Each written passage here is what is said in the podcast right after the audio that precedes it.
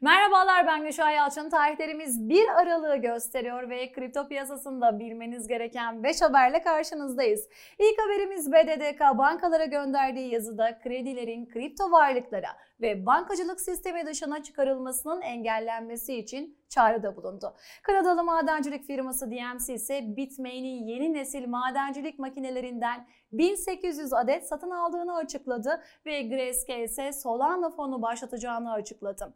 Rusya Devlet Başkanı Putin, kripto paraların mevcut durumda güvenli olmadıklarını, çok fazla oynaklık ve risk içerdiğini ifade etti. Koloni ise Avalanche üzerinde inşa edilen DeFi protokolüne likidite sağlamak için 18,5 milyon dolar fon topladı. Ve bugün için bilmeniz gereken 5 haberin sonuna geldik. Hoşçakalın.